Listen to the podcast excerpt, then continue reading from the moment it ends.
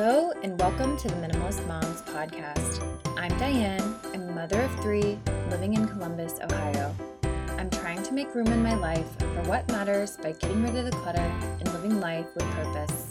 I hope you'll join me on the journey to think more and do with less. This week, I bring you my conversation with Allie Casazza, Allie is host of the top rated podcast, The Purpose Show, and the creator of online courses that have earned her international attention for her fresh, practical lifestyle strategies for moms. Known as the Life Minimalist, she encourages and inspires women to pursue abundant life by creating space for what matters most. Today, we'll discuss her journey into minimalism, the effects of which have completely overhauled her life, and simple steps you can take if you don't know where to begin your own pursuit. We'll also talk about some of the biggest pitfalls she sees moms make when they begin to declutter their homes. So stay tuned for that because it's something you definitely won't want to miss. But before we get to the interview, as always, head over to iTunes and leave a rating and review if you haven't done so already. This is so helpful for me, and it really does just take about 30 seconds. So if you're enjoying the podcast, head on over there if you haven't done so yet and leave a rating and review. And now for my interview with Allie Casazza. Allie, thank you so much for joining me on the Minimalist Moms podcast today. Thank you so much for having me. I'm excited to talk with you. I'm excited to talk with you as well. You were actually one of the first podcasts that I began listening to when I first started listening to podcasts several years ago. And I know a bit about your background, but can you just fill in listeners who aren't familiar with you? Just tell them a little bit more about who you are and what it is that you do. Uh, so I'm Allie. I have been married for 12 years to my husband, Brian. I have four kids. My oldest is my only girl. She's 10. And then I have a nine year old boy, a seven year old boy, and a five year old boy. And I, what I do is I help women, specifically moms, but really all women, simplify their homes and their lives in just every way that you can think of because everything is tied together. How you are with one thing is how you are with everything. And I think that it, for me, it all started at home and changing my life and really just healing my depression and helping me feel like, okay, I I can do this. Like I want to I wake up in the morning and I feel like this is doable and I'm excited rather than waking up and feeling dread over like doing the whole thing again all day. Um and that motherhood can sometimes feel like. And so that's what I love to do for other women is just help them start at home and kind of just move through the other parts of their lives and their schedules and all those things to just really um, bring some lightness and remove the pressure that we usually put on ourselves. Great. And like I said, I've been listening to you for several years now, and I really appreciated that you have geared your content towards mothers as I was a mother that was pursuing minimalism myself. So, going into the question that I ask everyone, I know that you are a minimalist, but I just want to know more about what prompted that journey in your own life. Yeah, so basically, this business turned came out of my own story, which I think a lot of really great heart centered businesses start that way. Um, but basically, at that time in my life, um, it was about eight years ago. So I just had my third baby and I had three kids under three. And um, I was really struggling with depression, but I had this feeling in myself that it wasn't like, it wasn't just a brain thing, it wasn't like a hormone thing, it wasn't something that I needed to go and get medicine for at that point in my life, which I don't think there's anything wrong with that. I just kind of had this gut knowing that it was a situational thing and I, I needed to get to the bottom of my life and not go and seek out something that was going to mask the actual cause mm. and so with the depression that's the type that i had and that's how i was feeling about it and i was kind of like i said just waking up every day already feeling like too drained like i didn't have what i needed to do what i needed to do that day i didn't have the energy or the drive or the focus um, i felt like i always wanted to marry my husband. I've known him since I was in seventh grade, and we had this life together. We had these kids. We had what I wanted and what was what I felt was fulfilling, but I was so unfulfilled in it. And when I kind of got this aerial view over my life, I saw that it was because all the good parts of my life were side notes. And the main part of my life was like maintaining all the mundane stuff, like the dishes and the laundry and the house and the maintenance of my life. And I saw that that was my truth. And I knew that it needed to be switched to where maintaining all the mundane things are supposed to be the side note. And the bulk of your time is your energy and your mind is able to be poured into what really matters to you. And that is very counter mom culture but that was a truth that God put on my heart. And I knew that that was what abundant life looked like for a mom. And I pursued getting there. And I, like I said, I started at home and I just got rid of my stuff. I was sharing the journey on my blog. Um, and I blogged for about four years. Um, just about that, growing a super small following. Like I thought I was famous, but I had like 500 followers, so it, I wasn't. and then that turned into a business about four years ago. And yeah, my husband quit his job and we're running this together at home. Was he on board with this mentality when you first started to pursue minimalism? No. Um, so he comes from a background of kind of just like nothing was really ever his. Like even when he was almost a full grown person, like late teens, like his parents would come in and take his money out of his piggy bank and like use it and say like oh sorry i needed it for something they did there was a lot of lack mindset um, mm-hmm. um, in that household and whenever i've worked with people that have had like a lack mentality growing up they um, almost always become like hoarders or have mm-hmm. some kind of tendency even if it's not as bad as the Hoarders TV show, they have some amount of that, mm-hmm. whether it's hoarding food or having a shopping addiction and hoarding in that way, or keeping a lot of stuff and having a hard time getting rid of it. And that was definitely the case for my husband. And so when I figured this out, I felt like I had just stumbled on this great secret. Like no one was talking about this. There was no Marie Kondo fame. There was just minimalism. I didn't know it was a thing. I didn't know it was called that. But I had began to purge my stuff and figure this out. I already had more time in my day. I already felt like I had more energy and more joy. Like I was so excited. Mm-hmm. And then my husband was like, wait a minute, you're not going to keep doing this, are you? Like, what? You're not wanting me to do this, right? Like it, he got like really defensive. It totally became this point of tension between us. Mm-hmm. So I had to decide, like, that's not worth it to me. I don't want this to be a point of tension, but I also have a boundary in myself that this is bringing me freedom and I figured out this big secret and I'm not I'm not stopping. Mm-hmm. So we kind of had to come to this compromise of like he would he had full rein of the master closet, which was a really big closet in our room, and the garage. And I would not make decisions about his things. And I, if I found something of his when I was going through the house, I would put it aside and not touch it. And he could have the garage as messy as he wanted and our closet as messy as he wanted. And he was good with that. And we went on like that for about two years. So mm-hmm. yeah, he wasn't on board at all at first. That's so tough when your spouse isn't on board. And I do get that question often. And I say something kind of along the same lines as you is just start with your own things, lead by example, and then hopefully they'll follow along.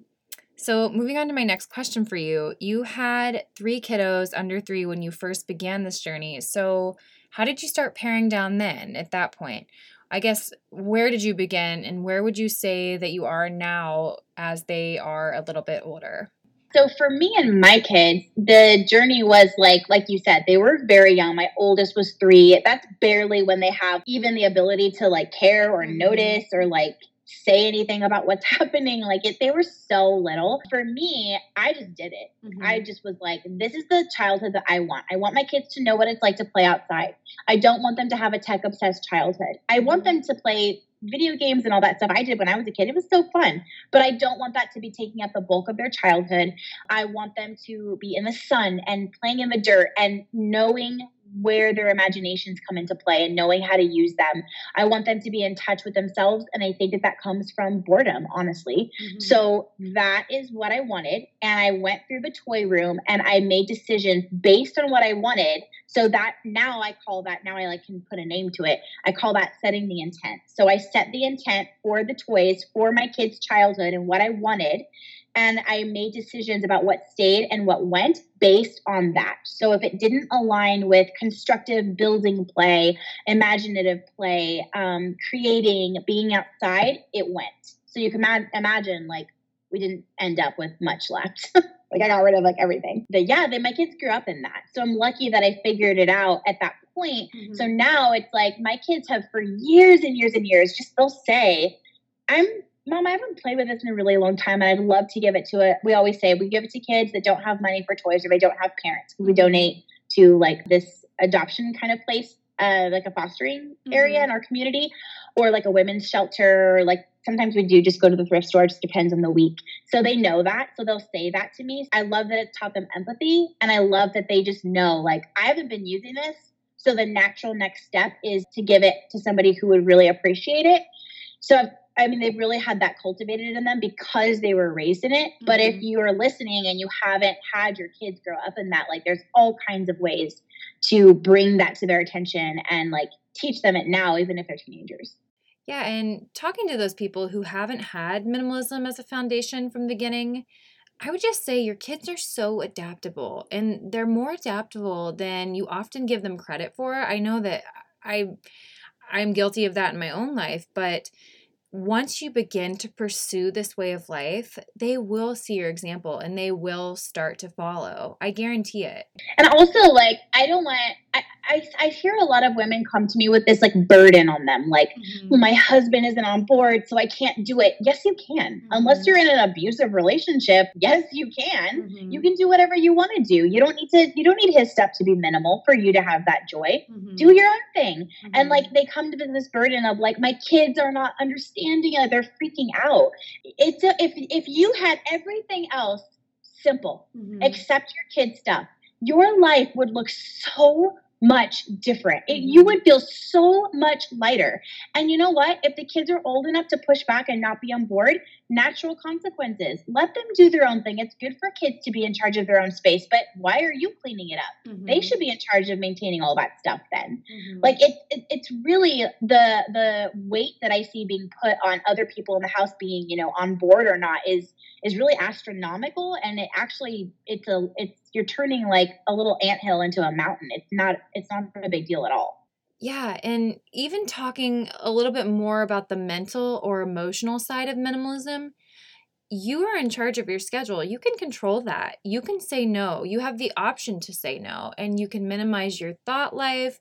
There is just so much that we can take control of, and it's not just the not just necessarily the tangible things. And we just don't want to get stuck in a place where we're thinking that we can't do it because not everyone is on board. I think often we create excuses for not doing something that is new or different or seemingly hard. Mm-hmm. And we build it up this wall of like, well, my husband's not on board. Well, my kids are pushing back. I just can't do it. It's like, is that really? Or are you avoiding something that is going to bring you a new life that maybe you're a little bit afraid? Like, who will you be as a mom if you don't have chaos and mess as an excuse constantly. Like I think a lot of the time it's made up and it's really the issue is something else. Mm-hmm. When it comes to beauty products, there are so many choices. Why not demand more from your favorite brands? I'm more motivated than ever to stick with high quality, amazing products that are both vegan free and cruelty free. And that's why I love Thrive Causemetics. Thrive Causemetics products are made with high performance, skin loving ingredients. Their clinically proven formulas highlight your best feature with long lasting wear. All Thrive products are formatted without parabens, sulfates, and phthalates. Thrive Causemetics never test on animals and have been approved by both Leaping Bunny and PETA as certified as completely vegan and cruelty free. Thrive Causemetics doesn't just have incredible makeup formulas, their skincare is also amazing and effective. Their Bright Balance 3 in 1 cleanser is a multitasking, pH balanced, gentle formula that removes long wearing, waterproof makeup and leaves your skin feeling soft, glowing, never stripped or dry. I have super dry skin throughout the winter months, and Thrive Causemetics has left my skin in better shape than it has in years. I also love that for every product purchase, Thrive Causemetics helps women in need thrive by donating funds or products. Their causes include women emerging from homelessness, surviving domestic abuse, and women fighting cancer. And I'm just a big supporter of companies that help those in need. It's just an added bonus to the quality products. So start thriving and help women in need today by going to thrivecausemetics.com slash minimalist and use the code minimalist for 15% off your first purchase. That's Thrive, C-A-U-S-E, medics.com slash minimalist, code minimalist for 15% off. Thrivecausemetics.com slash minimalist, code minimalist. And now back to my conversation with Allie.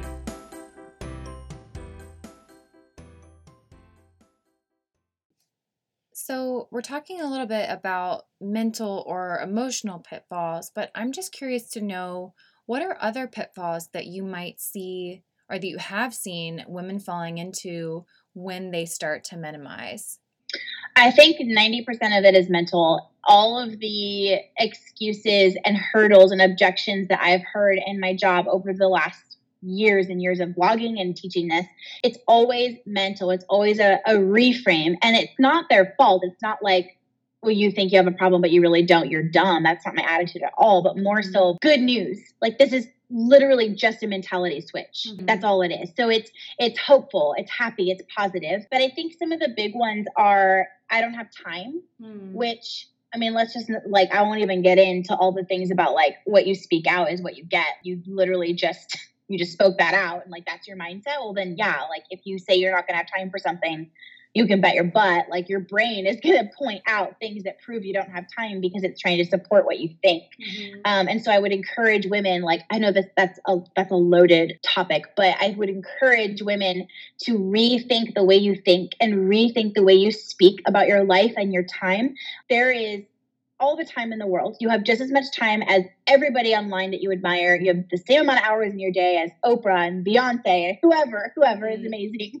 You have the same amount of hours. You can do what you want to do with your time. We make choices. We make choices with where we put our minutes. Mm-hmm. And so, is this important to you? Do you feel like you would do better if you had some lightness in your space, if you had less to worry about, less to maintain, less to wash, and less to fold, less to put away? Would that make a difference for you? If yes, then how can you not make time for this? Because it's going to give you more time.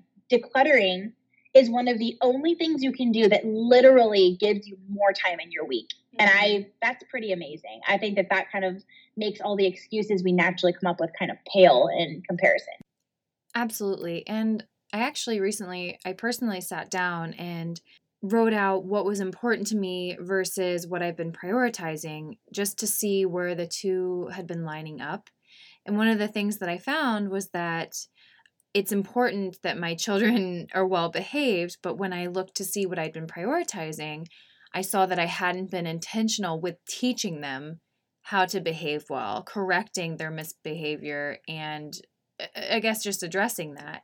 So, I guess kind of relating this back to minimalism, I guess if you're making an excuse with your time, what have you been doing with that time? What are you prioritizing versus what is important to you? Absolutely. And what a great exercise you did with yourself. Not a lot of people sit and do things like that. So I think that's beautiful. And that is taking ownership of what you've got. That's taking ownership of your life and your mindset what most people do is just what like hot mess mom culture has shown us is like normal mm-hmm. and that's just reacting to your circumstances being a victim of your circumstances and constantly finding things to complain about and reasons that your kids are a problem and in the way and really putting the pressure on the people that we're raising rather than saying what am I doing to make my life harder? How can I simplify? How can I take ownership and control of what I can control so that the uncontrollable things I'm able to handle them and I'm I'm happy as a mom and I'm not making my kids feel like this burden. Mm-hmm. Like I think there's so many so many issues with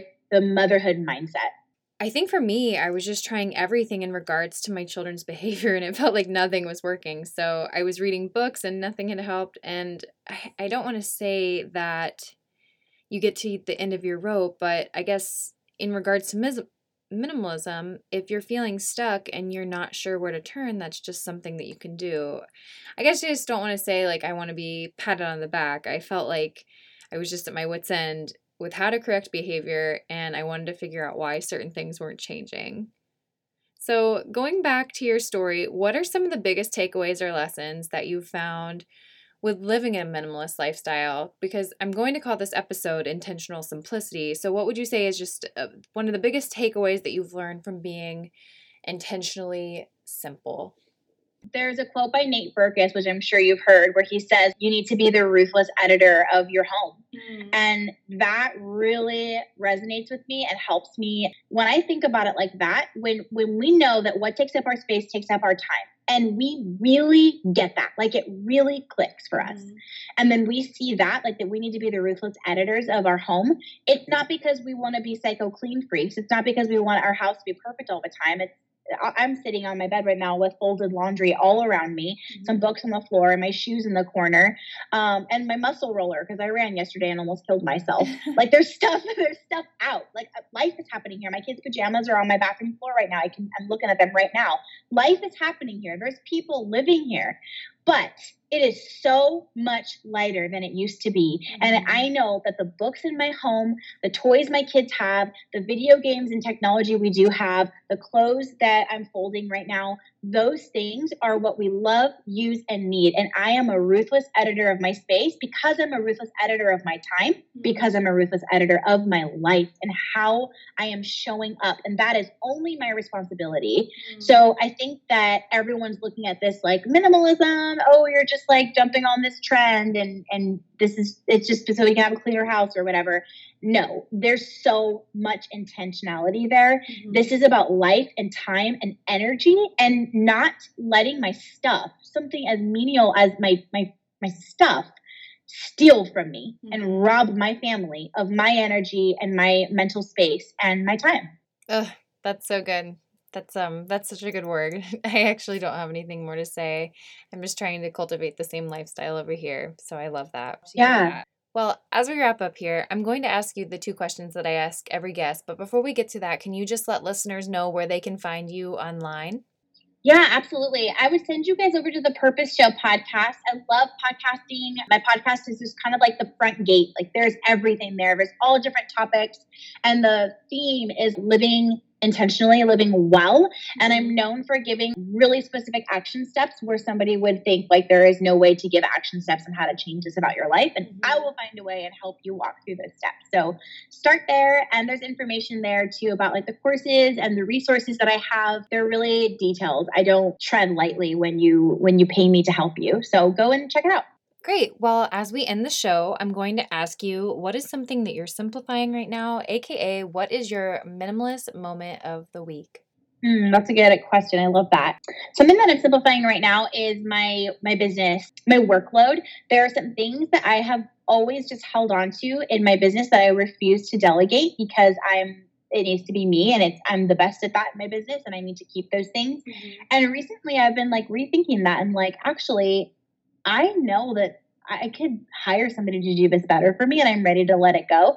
So I've been like saying no to more press, um, saying yes to less there, and delegating some new things. I'm hiring somebody right now to help me with my social media accounts. Um, just things that I thought I was delegated all the way and it was as simple as possible. But I think it just proves that we humans are always like growing and flowing into a new a new season because I'm ready to let go of other stuff. So I've been in a place of kind of pruning what I'm doing in my business. That sounds like a great thing to minimize as you are starting to shift direction and just honing in on what's important. So I think that's great. And my second question is what is something that you can't stop talking about?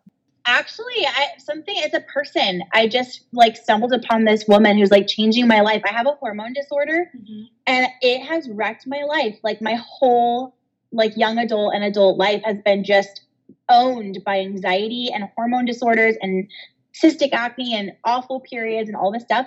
And uh, she, her resources are so amazing. There's like a ton of free stuff I would pay like hundreds of dollars for. Her name is um, Dr. Heather Rhodes. I can send you her stuff so you can link to her in yeah. show notes. No, that's great. I'll be sure to include that in the show notes. And I just had my third baby four months ago, and my skin has been completely out of whack ever since. So I'll probably have to check her out for myself. Absolutely. It's just like when when that's off, you don't feel like yourself. I've been just done. Like I so I have PCOS, so I'm like mm-hmm. I'm just done letting that run my life. Like I'm going to take control of this. And I found her and oh my gosh, like just the things she's saying is unlike anyone else I've ever read about. So yeah. Well, as I said, I'll definitely be including that in the show notes. Allie, I just thank you again for coming on the podcast today. As I said, I've been listening to you for a year, so this was just a real treat to get to talk to you today. Thank you so much. Yeah, thank you so much for having me. This is great. What did you think about my interview with Allie? I absolutely love how she says that she's a ruthless editor of her life. I think that's just such a great word, and I think it's something that we can all take away as we start to become ruthless editors of our own lives. Join me back here next week as I speak to one of my favorite minimalist moms, YouTuber Sarah Therese. The topic thrifting. I cannot wait for you to hear my conversation with her. She was just so informative, witty, and just a delight to speak with, and I cannot wait for you to hear this interview. I invite you to keep the conversation going by visiting minimalistmomspodcast.com. There, you'll find links to the Facebook page, Instagram account, and where you can find me all around the web. Thank you for joining up on this journey. I wish you a lovely week as you think more and do with less.